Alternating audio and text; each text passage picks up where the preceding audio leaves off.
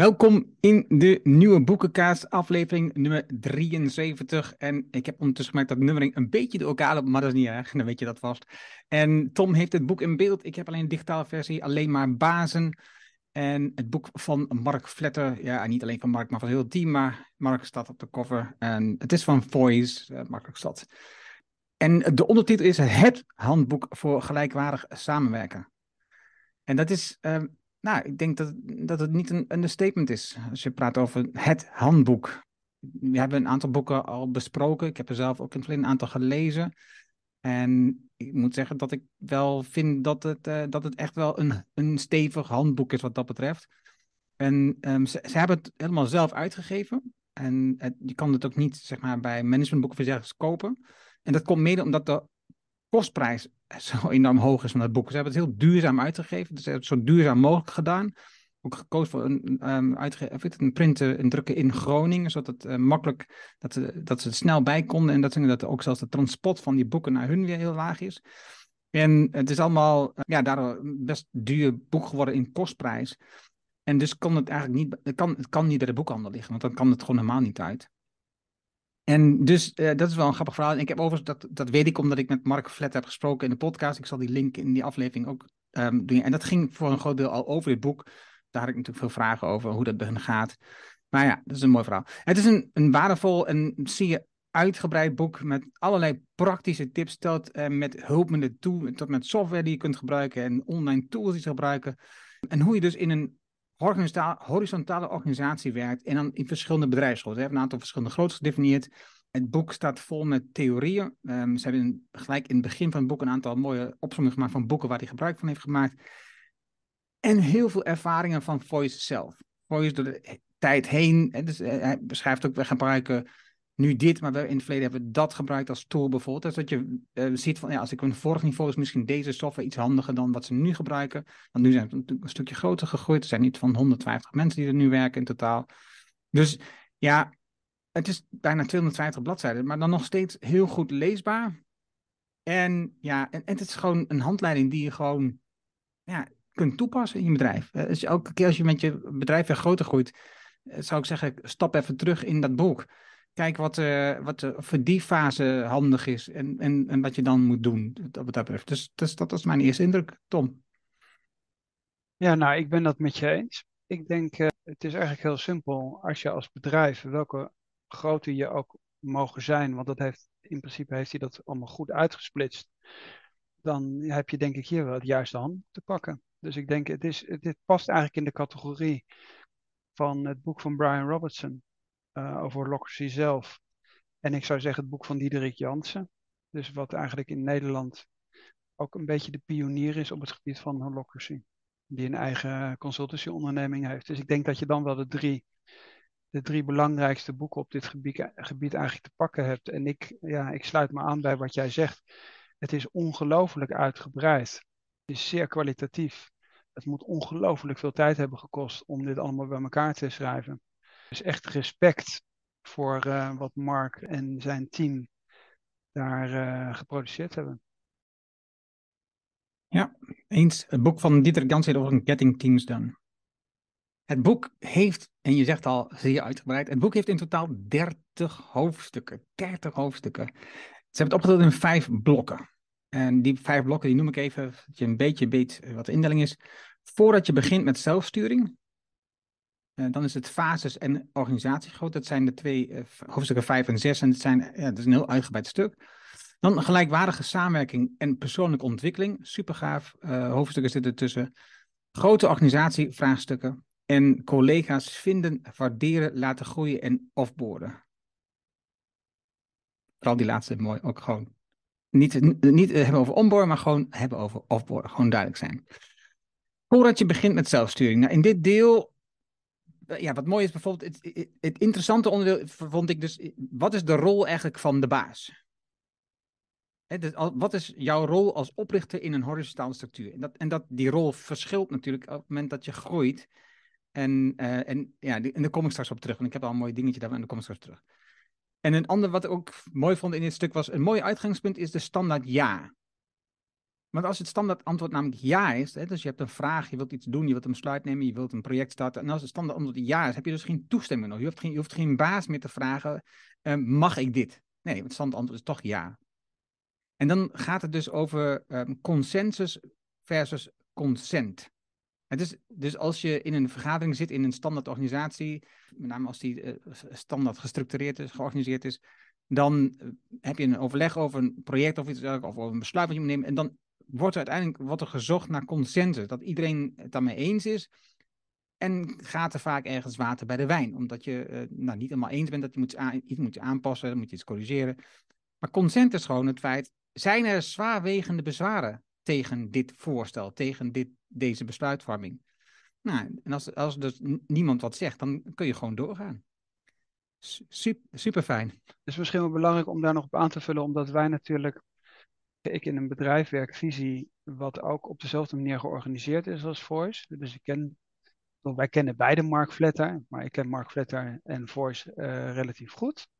En wat ik denk inderdaad dat je meteen de kern eruit hebt gehaald van consent. Wat je in de praktijk in een meeting zegt, is het, is het veilig genoeg om het te proberen? En zou ik tussendoor kunnen zeggen, stop, het is toch eigenlijk fout gegaan? Of, maar gaat het dan echt valikant mis? Of ga je dan bijsturen? Dus het, in principe is het omgekeerde, het omgekeerde principe. Je mag eigenlijk altijd zelf gewoon aan de slag. Of iemand moet een heel erg dwingend bezwaar hebben zegt, ja, maar als we dit doen, dan gaat het helemaal fout. En dat is wel het omgekeerde principe. Wat misschien nog wel relevant is, want dat zag ik even op, in uh, de snelheid niet. Je zou het een beetje kunnen vergelijken, en daar komt het namelijk ook vandaan, daarom heten die meetings ook governance. Het komt weer uit de staat, uit het wetgevende, uit het wetgevende proces. Dus het proces van amenderen van wetten dus het beter maken kwalitatief van wetten, omdat iemand een geldig bezwaar inbrengt, dat is wat eigenlijk ook in een bedrijf dan gebeurt. Dus dan zegt iemand van, nou, ik heb een bezwaar. En dan wordt met dat bezwaar wordt dat geïntegreerd in het voorstel, waardoor het voorstel beter wordt. En dat is eigenlijk bij goede wetgevende processen, is het hetzelfde.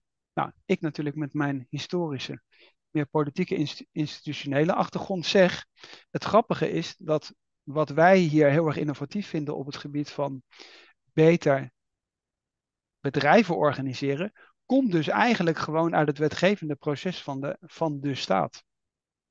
Dat misschien nog als korte aanvulling. Dat is een kwinkslag bijna. En uh, ook wat ik in dit hoofdstuk mooi vond, of in dit, in dit blok moet ik zeggen mooi vond, was zet veranderingen die je wilt invoeren in je organisatie zoveel mogelijk op in gewoontes. Hè? Dus hij noemt daar uh, een vaste herhaling, een vast proces en het maken van tijd. Dat zijn de belangrijkste componenten bij het aanleren van nieuw organisatiegedrag. Dus dus wil je dat je, als je een verandering doorvoert in je organisatie, wil je dat dat gedrag in de mensen wordt, wordt geïntegreerd, dat dat een standaard gedrag wordt, dan moet je dus heel vaak herhalen. Net zolang tot het een automatisme wordt bij mensen. En dat betekent gewoon vast proces. Iedereen doet het op dezelfde manier. Je doet het zoveel mogelijk op dezelfde tijd, op zoveel mogelijk op dezelfde volgorde.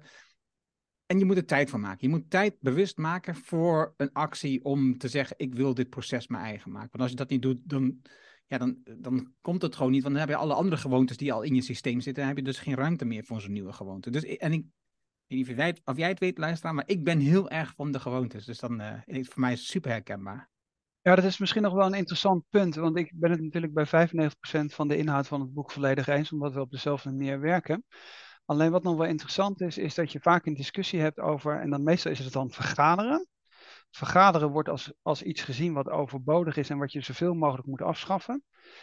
En, en, en omdat jij nu het, het thema gewoonte aanspreekt, is het eigenlijk een beetje counterintuitive. En dat heeft bijvoorbeeld Corporate Rebels, misschien moeten we dat toch even noemen, heeft daar, heeft daar uh, een zeer goede module uh, ontwikkeld. Overigens samen ook met ons, met, met de manier waarop wij vergaderen. En het gaat erom dus dat je beter moet vergaderen. En gewoontes, habits, worden worden tot gewoontes als je ze vaker en frequenter doet. Dus wat betekent dat eigenlijk? Het gaat er niet om zo min mogelijk te vergaderen. Nee, het gaat er om zo goed mogelijk kwalitatief te vergaderen. En hoe meer je bijvoorbeeld in een crisissituatie komt, of hoe sneller dingen veranderen, des te korter worden de intervallen. Dus het is makkelijker om elke dag te lopen, dan één keer in de maand een heel stuk te lopen. Ik heb het even, omdat we het net even over lopen hebben gehad voordat we met de podcast zijn begonnen.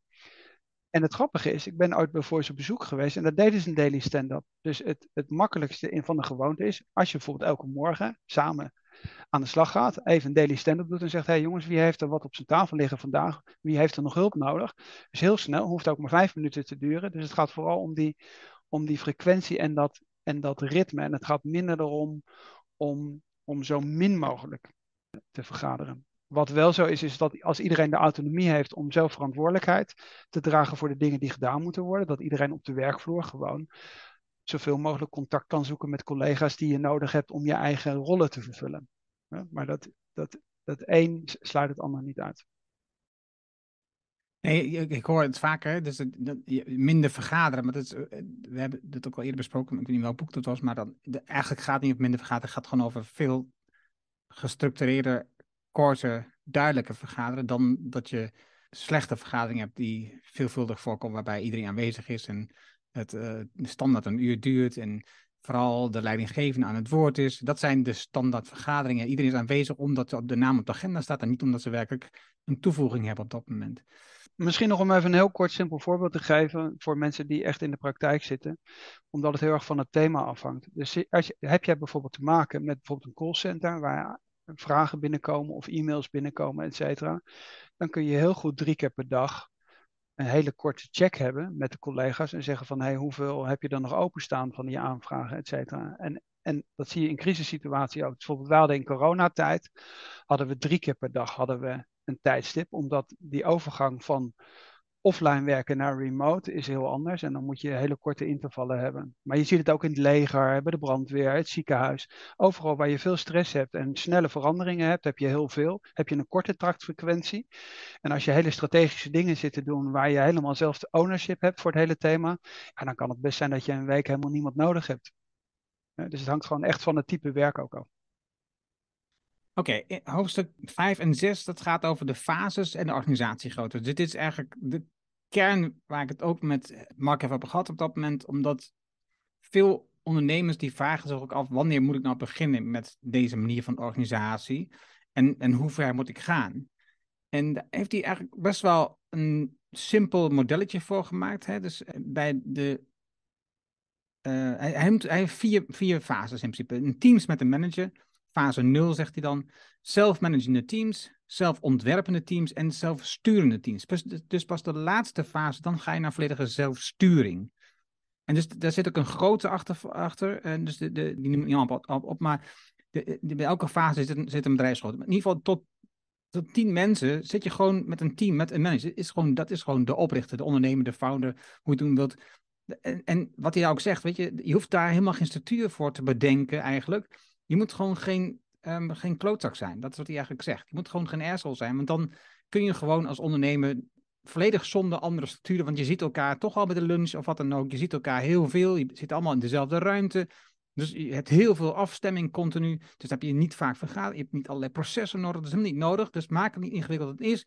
En daarna krijg je zelf management team. Dus heb je een team wat zichzelf managt. Dat is nog niet gelijk helemaal zelfsturing.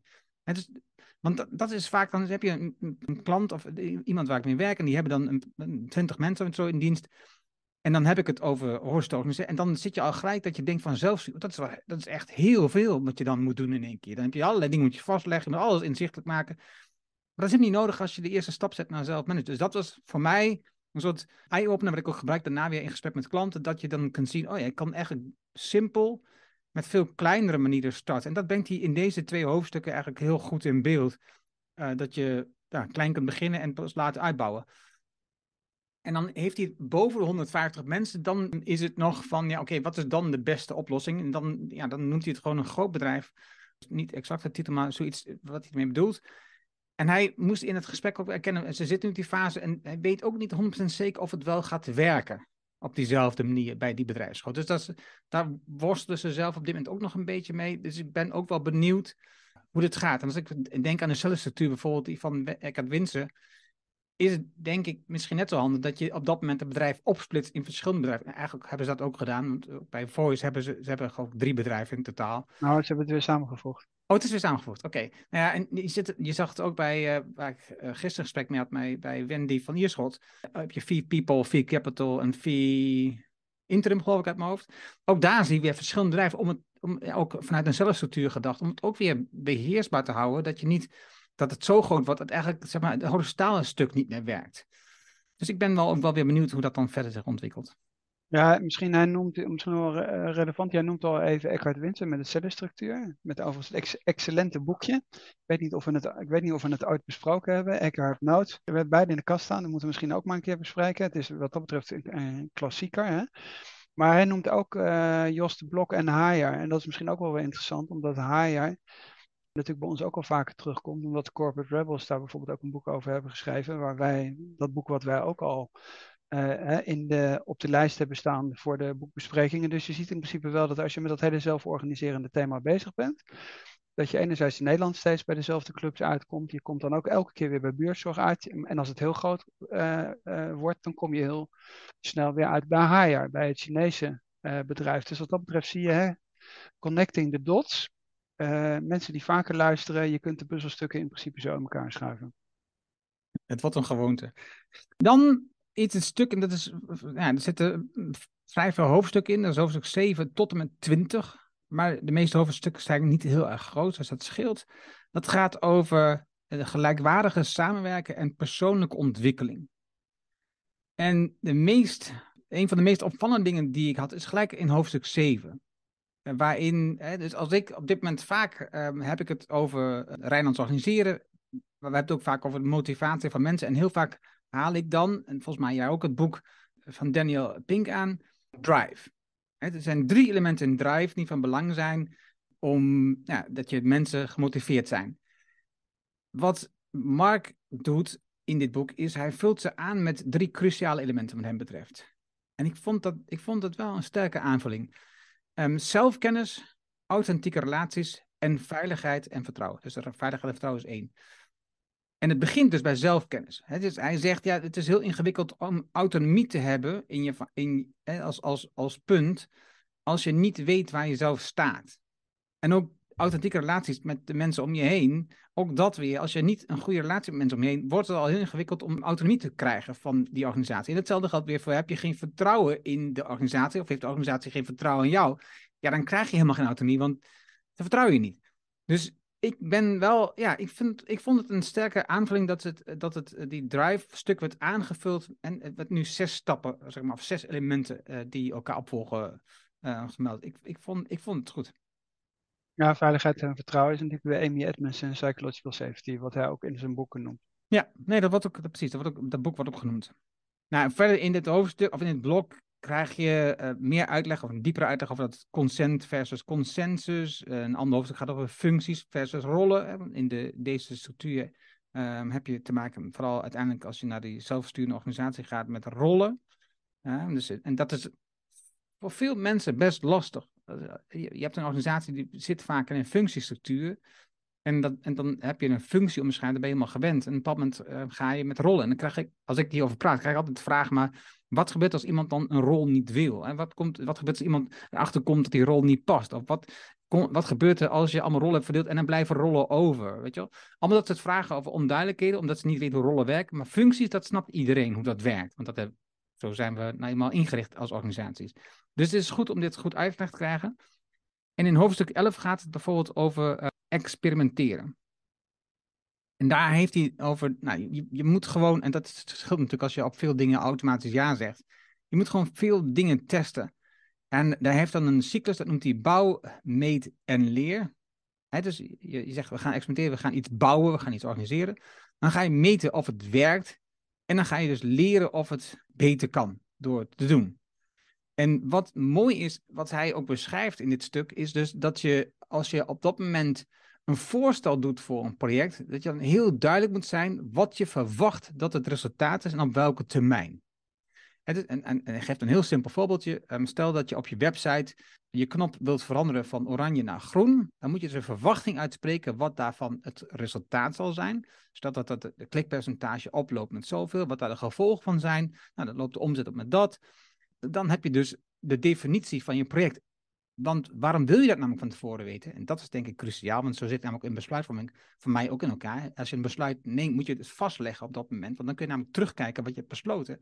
En waarom? Maar als je dus vastlegt waarom je het experiment bent gestart, dan kun je dus na terugkijken, is ook werkelijk het resultaat bereikt wat ik had bedacht. Want als je namelijk dat niet vastlegt, wat gebeurt er dan? Je gaat experimenteren, je, je, werkt, na een paar maanden uh, loopt op experiment, experiment al een tijdje en dan kom je tot de conclusie, ja oké, het, het heeft resultaat.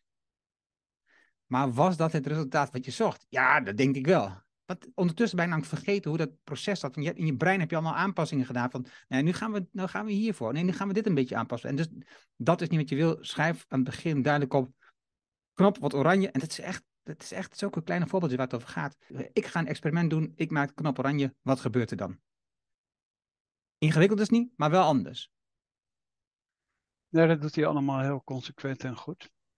Ja, en hij is, natuurlijk, hij is natuurlijk iemand die de dingen combineert. Dus enerzijds zegt hij autonomie, alleen als je autonomie hebt, dan moet je ook die verantwoordelijkheid dragen. Dus hij combineert dat wel met dashboards en KPI's, et cetera, et cetera. Het is niet zo van iedereen doet maar wat.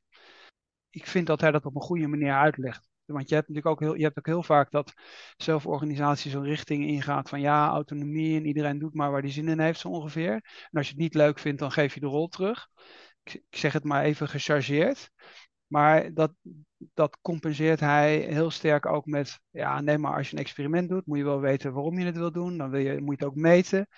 als je het dan hebt gemeten en de uitkomst is niet zoals je het hebt gedaan, dan moet je analyseren waar het aan ligt, et cetera. En dat zijn al die cycli die je uit de agiliteit allemaal wel kennen. En dus hij combineert eigenlijk de hele softe manier van de menselijke kant. Ikigai komt ook terug in zijn boek. Eh, liefde, et cetera. Dat combineert hij ook wel heel erg met dashboards en KPI's en metrics, et cetera, et cetera. Ja, ik vind het mooi. Wat je al zegt, hè, Ikigai komt terug in het stuk en het gaat over, over je innerlijke, de zelf in, in zelfsturing, de zelf in zelfsturing. En daarnaast heeft hij ook over body intelligence. Nou, dat zijn niet dingen die je regelmatig tegenkomt in dit soort boeken. Het is wel mooi dat hij dat combineert. En dan heb je bijvoorbeeld hoofdstuk 18. Ja, dat is natuurlijk echt een hoofdstuk eh, wat in mijn hart uh, past, wat bij mijn werk past, wat ik erg mooi vind. Het gaat over besluitvorming. En het mooie heeft hij daar een modelletje, kwadranten, vier kwadranten. Um, veel zekerheid, geen zekerheid, geen urgentie, hoge urgentie. En veel zekerheid, geen urgentie in de beslissing, tot en met geen zekerheid, hoge urgentie. Stel het zo lang mogelijk uit, plus laat de zekerheid toenemen. En wel onderzoeken, overleggen, experimenteren. Dus het is gewoon allemaal weer simpel gemaakt, maar doordacht. En hetzelfde geldt voor een ander model wat hij daarin heeft in de besluitvorming. Je hebt het echt net al geschetst, hè? dus grote impact, kleine impact. Kun je terug, kun je niet terug. Hè? Dus als je kleine impact hebt, je kan terug, dan kun je gewoon nu kiezen. Hoef je hem niet lang laten, je moet gewoon nu kiezen, punt. Heb je een kleine impact, maar je kan niet terug, dan is er een bezwarenronde. Dus dan ga je checken met een aantal mensen tegelijk in een, in een overleg. En dan checken, is er bezwaar? Want iedereen moet wel even in de gaten hebben. Je kan, als je dit doet, kan we niet meer terug daarna. Nou, zo heeft hij een aantal dingen, hè, bijvoorbeeld groot impact, je kan niet terug, dan overleg met de, relevante rollen. Hè. Dus dan heb je een overleg, dan heb je eigenlijk meer oogprincipe. Eh, harde elementen, zachte elementen, telkens weer nadenken. Ik vind het echt, het is een boek naar mijn hart wat dat betreft. Even kijken, het volgende blok, dat begint bij hoofdstuk 21, grote organisatievraagstukken. En hier gaat het dus over de strategie, over de toekomst, over de visie ja, ook dat zit weer strak in elkaar wat dat betreft. van kernwaarden, ehm, uh, outlook-principe, uh, gesprekken voeren met elkaar. En het outlook-proces bedoel ik niet in principe. En nou, ik, ik, ik, het is zo handig om dit te gebruiken als een handboek daarnaast te hebben om na te denken over hoe je dat moet organiseren. Bijvoorbeeld in hoofdstuk 21 heb je gewoon vragen staan om tot een goede strategie te komen. Dat zijn gewoon vragen die je gewoon kunt gebruiken om gewoon met het boek in de hand aan de slag te gaan. De 13 vragen over het bedrijfs-DNA. Er staan gewoon 13 vragen die kun je gewoon uitzoeken en beantwoorden. Ben je gewoon klaar. Ik vind het echt super. Dus ik ben het met je eens hoor. Hij, uh, hij heeft gewoon heel veel hapklare formats. Hè? Zeg je geloof ik tegenwoordig. Formaten heeft hij. Dus waar je gewoon inspiratie uit op kunt doen. Wat ik soms wel een beetje mis, is dat toch exotischer denken. Omdat vaak. Ik neem bijvoorbeeld het voorbeeld over besluitvorming. Dus wij hebben veel gedaan over biases. Je denkt soms dat je zekerheid hebt waarmee je een beslissing kunt nemen. En dan blijkt achteraf dat je die zekerheid niet had. Dus om even bijvoorbeeld op zo'n model terug te gaan. Dus één voorbeeld. een voorbeeld wat ik heel vaak noem als bijvoorbeeld intellectuele denkfiguur, zou het omgekeerde ook waar kunnen zijn. Dus als je zegt van ja, ik denk dat ik zeker ben, is dat dan daadwerkelijk zo? Nou is bijvoorbeeld bij het vertragen van besluitvorming, waar we het vaak ook hebben gehad in de Aziatische context bijvoorbeeld, als je snel moet zijn, ga langzaam. Hè, dat is een beetje dat counterintuitive. Dus je hebt hier heel veel hele praktische formaten. Maar wat ik vaak heel erg interessant vind is, we hebben ook die denkfiguren wel gedaan, dat je, ik ben even de naam kwijt, uh, dat je als je bijvoorbeeld een beslissing hebt, dat je eigenlijk het volledig tegenovergestelde, dat je zo'n tegenovergestelde sessie moet doen en zegt van nou, als het nou bijvoorbeeld volledig fout gaat. Dus waar we ook vaak de brug hebben gemaakt naar het stoïcisme. Dus dat je bijvoorbeeld zegt van ja, als alles nou in mijn leven fout gaat, en dat is een beetje de keerzijde van die zelfhulpboeken. En dat heb, vind ik in een bedrijfscontext heb je dat ook vaak. Dat je misschien toch moet uitzoomen en moet zeggen van oké, zouden we niet nog verder onze inspiratie moeten opdoen bij, bij hele andere denkmodellen en er een nog veel groter vraagteken achter te zetten. Dus ik vind die formaten allemaal binnen de context waar dingen normaal zijn, vind ik ze uitstekend. Alleen als je bijvoorbeeld met Black Swan of hè, Taleb eh, te maken hebt of biases, dan zou het best kunnen zijn dat de formaten waar je je in bevindt, dat die, dat die maar een gedeelte van de werkelijkheid zijn en je, en je te weinig aandacht hebt voor je blinde vlekken bijvoorbeeld. En dat vind ik eigenlijk het enige kleine kritiekpuntje op het grote enthousiasme van alle, van alle templates en alle, alle dingen die hij, uh, die hij noemt. Want biases bijvoorbeeld komt niet heel erg aan boord. Nee, nee dat we te denken, want we hebben het natuurlijk daarover gehad in het boek over Provoke bijvoorbeeld. De biases die een ondernemer heeft als er dingen op hem afkomen de, het managementteam heeft, bijvoorbeeld. daar, hebben we, daar zitten wel elementen in die misschien hier aan toegevoegd kunnen worden. Nou ja, die, die, kan in principe die boeken naast elkaar leggen, uiteraard. Maar ik vind het nog, ik vind het nog steeds binnen, binnen de context van normale structuren waar je nadenkt over strategie, zijn dat allemaal hartstikke valide voorbeelden die hij noemt. Ja, ja zeker, zeker. Even kijken, bij het hoofdstuk over inkopen doen, nou ook daarin heel erg consistent uh, hoe ze werken, is dat het team zoveel mogelijk uh, koopt gewoon, mensen kopen gewoon zelf in. Het, je zit echt in een zelfsturenstuk. Er zijn wel grenzen aan betalingen waar je goedkeuring voor moet vragen, waar je aan de slag moet of wat dan ook. Maar voor de rest is er gewoon, ja, je, kan, maakt zelf keuzes, dus nou, prima.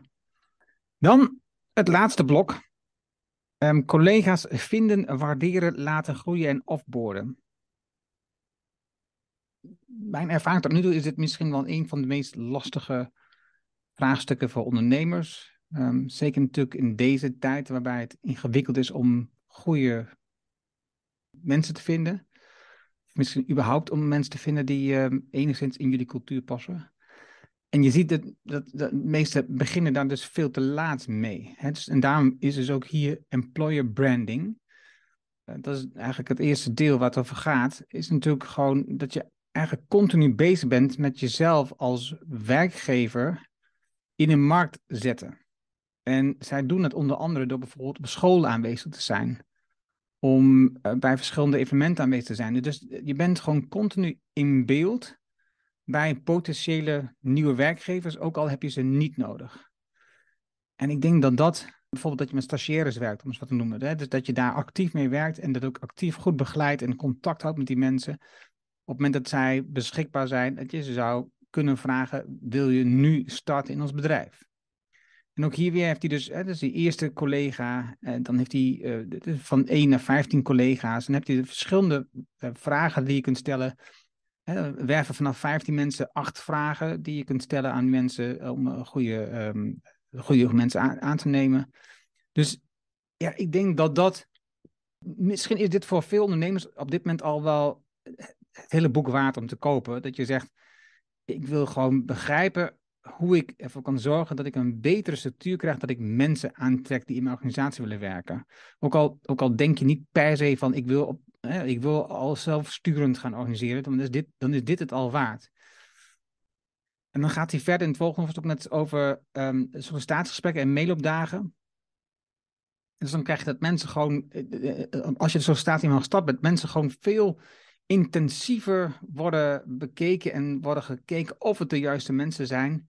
door in eerste instantie heel veel mensen op speeddates te krijgen, maar daarna juist uitgebreide mailopdagen te organiseren, waar mensen dus gewoon goed kunnen kijken, is dit de plek waar ik wil zijn, maar ook op basis van projecten die ze doen, kun je zelf bepalen, verkopen ze zichzelf wel goed? Hebben ze, dus, leveren ze ook werkelijk wat ze zeggen dat ze doen, wat ze, waar ze goed in zijn? Diversiteit uiteindelijk komt aan boord, dus nee, af aan bod. Dus dat is hartstikke mooi. Nee, en ik denk dat wat zij ook goed doen hierin, en dat komt al eerder aan bod in de gesprekken die je onderling hebt, in de waardering van mensen, het beoordelen van mensen, is dat je niet alleen kijkt, oké, hoe ga ik mensen goed aannemen, maar ook hoe ga ik afscheid nemen van mensen. Als mensen uiteindelijk niet blijken te passen, dat je dat goed en duidelijk communiceert, maar dat je ook die mensen eh, contact mee blijft houden, dat je alles goed daarna ook netjes organiseert met bijvoorbeeld de laatste werkdag. Ja, ik denk dat dat ja, slim is om beter te organiseren voor veel bedrijven. De meeste mensen die maken gewoon eigenlijk daar een potje van het laatste stuk. Het feit dat het, als iemand ergens begint, wil meestal is niet eens alles geregeld. Dan heb je dan geen toegang tot online structuur of er is net een laptop beschikbaar. Um, de visitekaartjes zijn nog niet bij wijze van. En uh, dat, is, dat is al soms. Dat je zegt van, nou, dat kan een stuk beter. Maar afscheid nemen van mensen, dat is helemaal een ontwikkelingsgebied voor bedrijven. Ja, dat is uh, in het algemeen. Wat je altijd ziet in boeken is dat als je bijvoorbeeld zegt van, nou, dat hele thema bijvoorbeeld wat hier dan vanaf uh, hoofdstuk 27, dat is bladzijde 194 tot 248. Dat zijn toch gewoon 50 bladzijden. En dan, dan als je dat bijvoorbeeld zou opdelen en zeggen van nou het ene is, is dus hè, collega's vinden, dat is recruiten, dan is het onboarden en dan is het offboarden. Maar het is nooit evenredig verdeeld. Dus het gaat altijd heel veel over recruiting, dan gaat het een beetje over onboarding. Nou, dat is dan, weet ik veel wat, meelopen, eigen academy, bla bla bla. En het gaat eigenlijk bijna nooit over afscheid nemen. Of hoe hou je nou zo'n organisatie op een level waar je gewoon alleen maar met aanspelers te maken hebt. En wat ik een beetje mis is dat het voorbeeld wat overigens van uh, komt, pay to quit, dat had hij heel goed ingepast.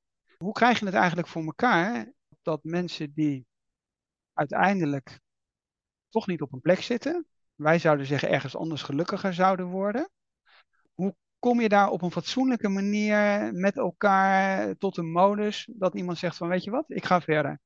Omdat het altijd met onzekerheid verbonden is. Dan kun je natuurlijk zeggen, oké, arbeidsmarkt is opnieuw heel lastig, iedereen vindt onmiddellijk een baan.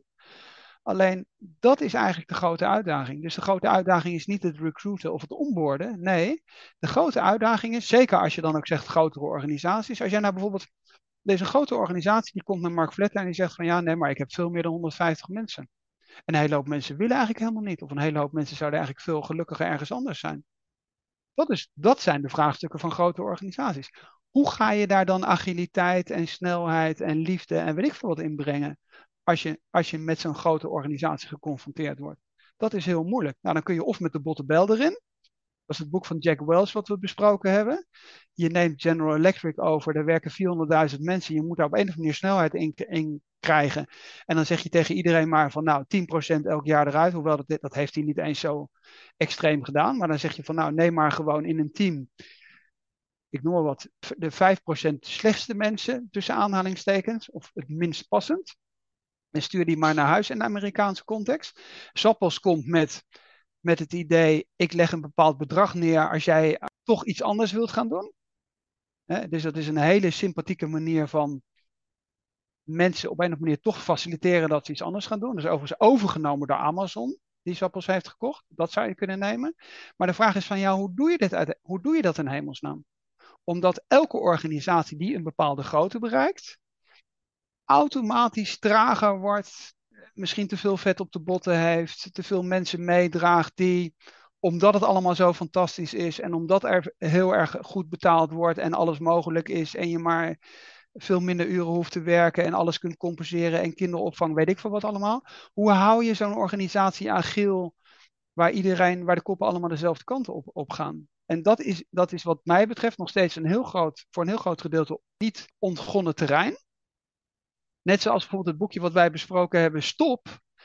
Het ophouden van dingen. Daar wordt heel veel over van ja, allemaal starten. Nee, het, de bottleneck is weer dingen af te schaffen. Bureaucratie af te bouwen. Elke keer een regeling daarbij. Dat is geen kunststuk.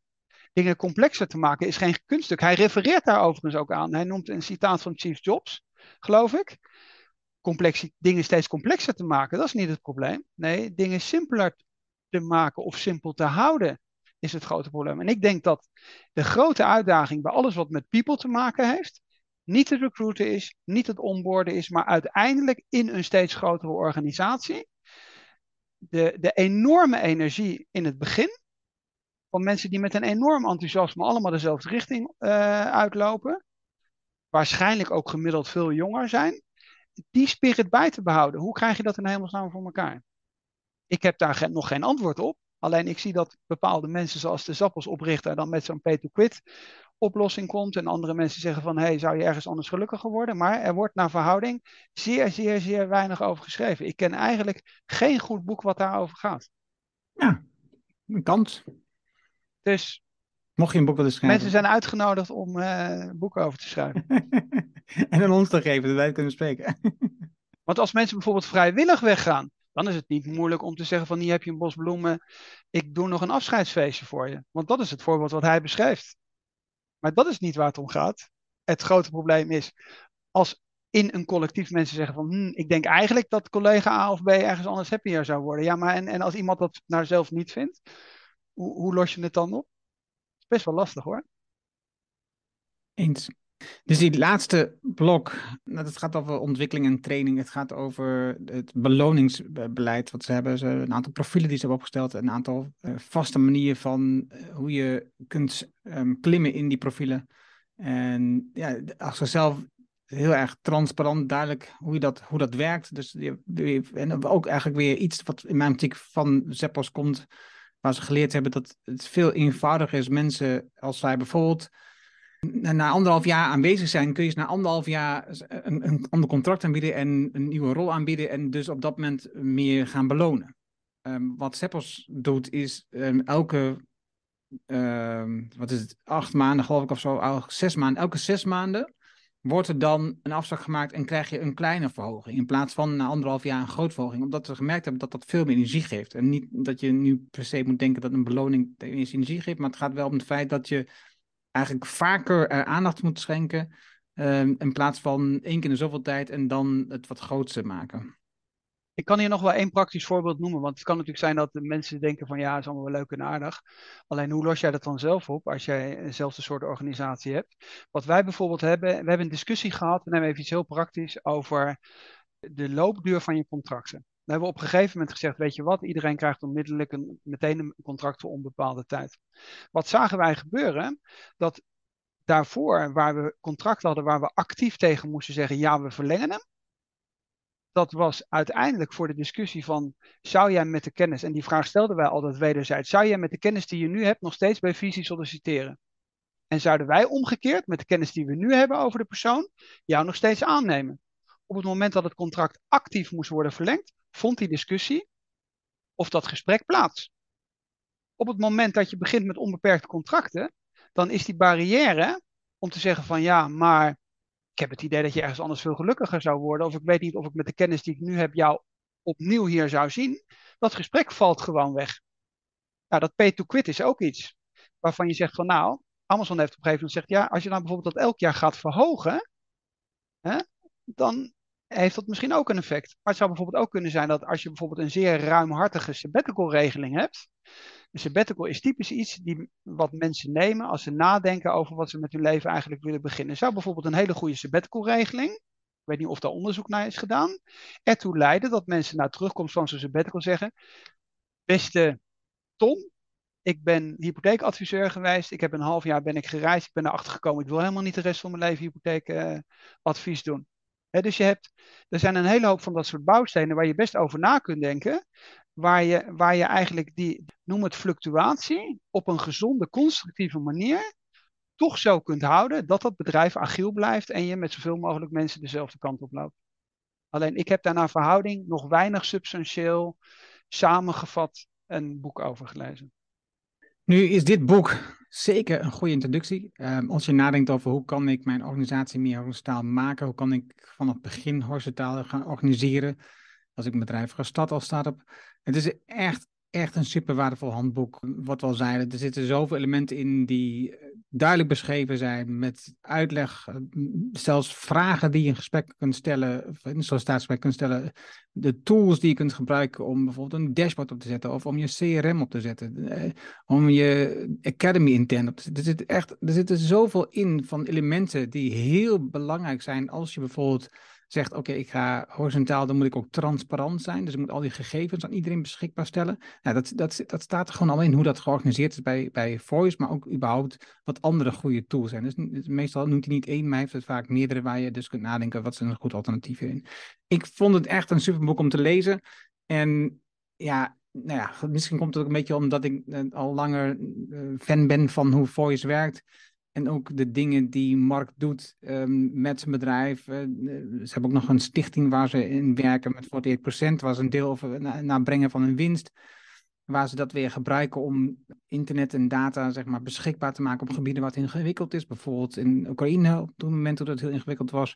Ja, dat zijn dingen die mij enorm aanspreken. Dat je nadenkt over wat is er nog meer. En niet alleen maar denkt als aandeelhouder, hoe kan ik zoveel mogelijk geld verdienen. En dat is ja, dat maakt mij wel een fan van iemand als Mark en zijn bedrijf Voice. En nu dan dit boek waarin het ja, een soort handboek is hoe je dit voor jezelf kunt organiseren. En het is een dynamisch boek.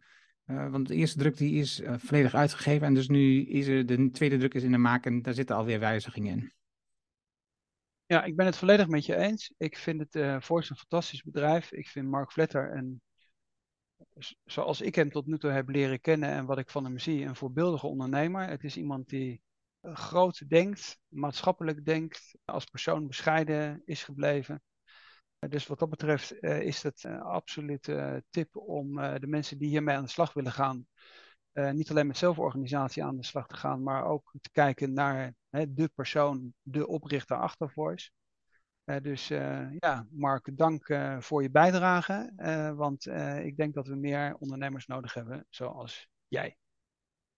Nou, dan dank ik jou wel. Want jij, overigens moet ik even niet vergeten te zeggen, want jij hebt het boek netjes gekregen. Um, dat we dat ook weer helder. Want dit soort dingen horen erbij. Als je dit soort dingen doet, dan moet je altijd zeggen dat je het gekregen hebt. Dat is namelijk een soort bijdrage die je krijgt. In ieder geval, voor jou, dankjewel voor het luisteren. En nou, ik hoop dat je het waardevol vond. Pak het boek eens op. Kijk of je het ergens kunt vinden. De digitale versie kun je natuurlijk altijd gewoon, de pdf kun je altijd, gewoon downloaden daar. En anders uh, ga ze nu weer volgen, want dan krijg je daar ook zeker melding over. En, nou, en graag tot de volgende aflevering. Dankjewel, Tom. Dankjewel, Erno.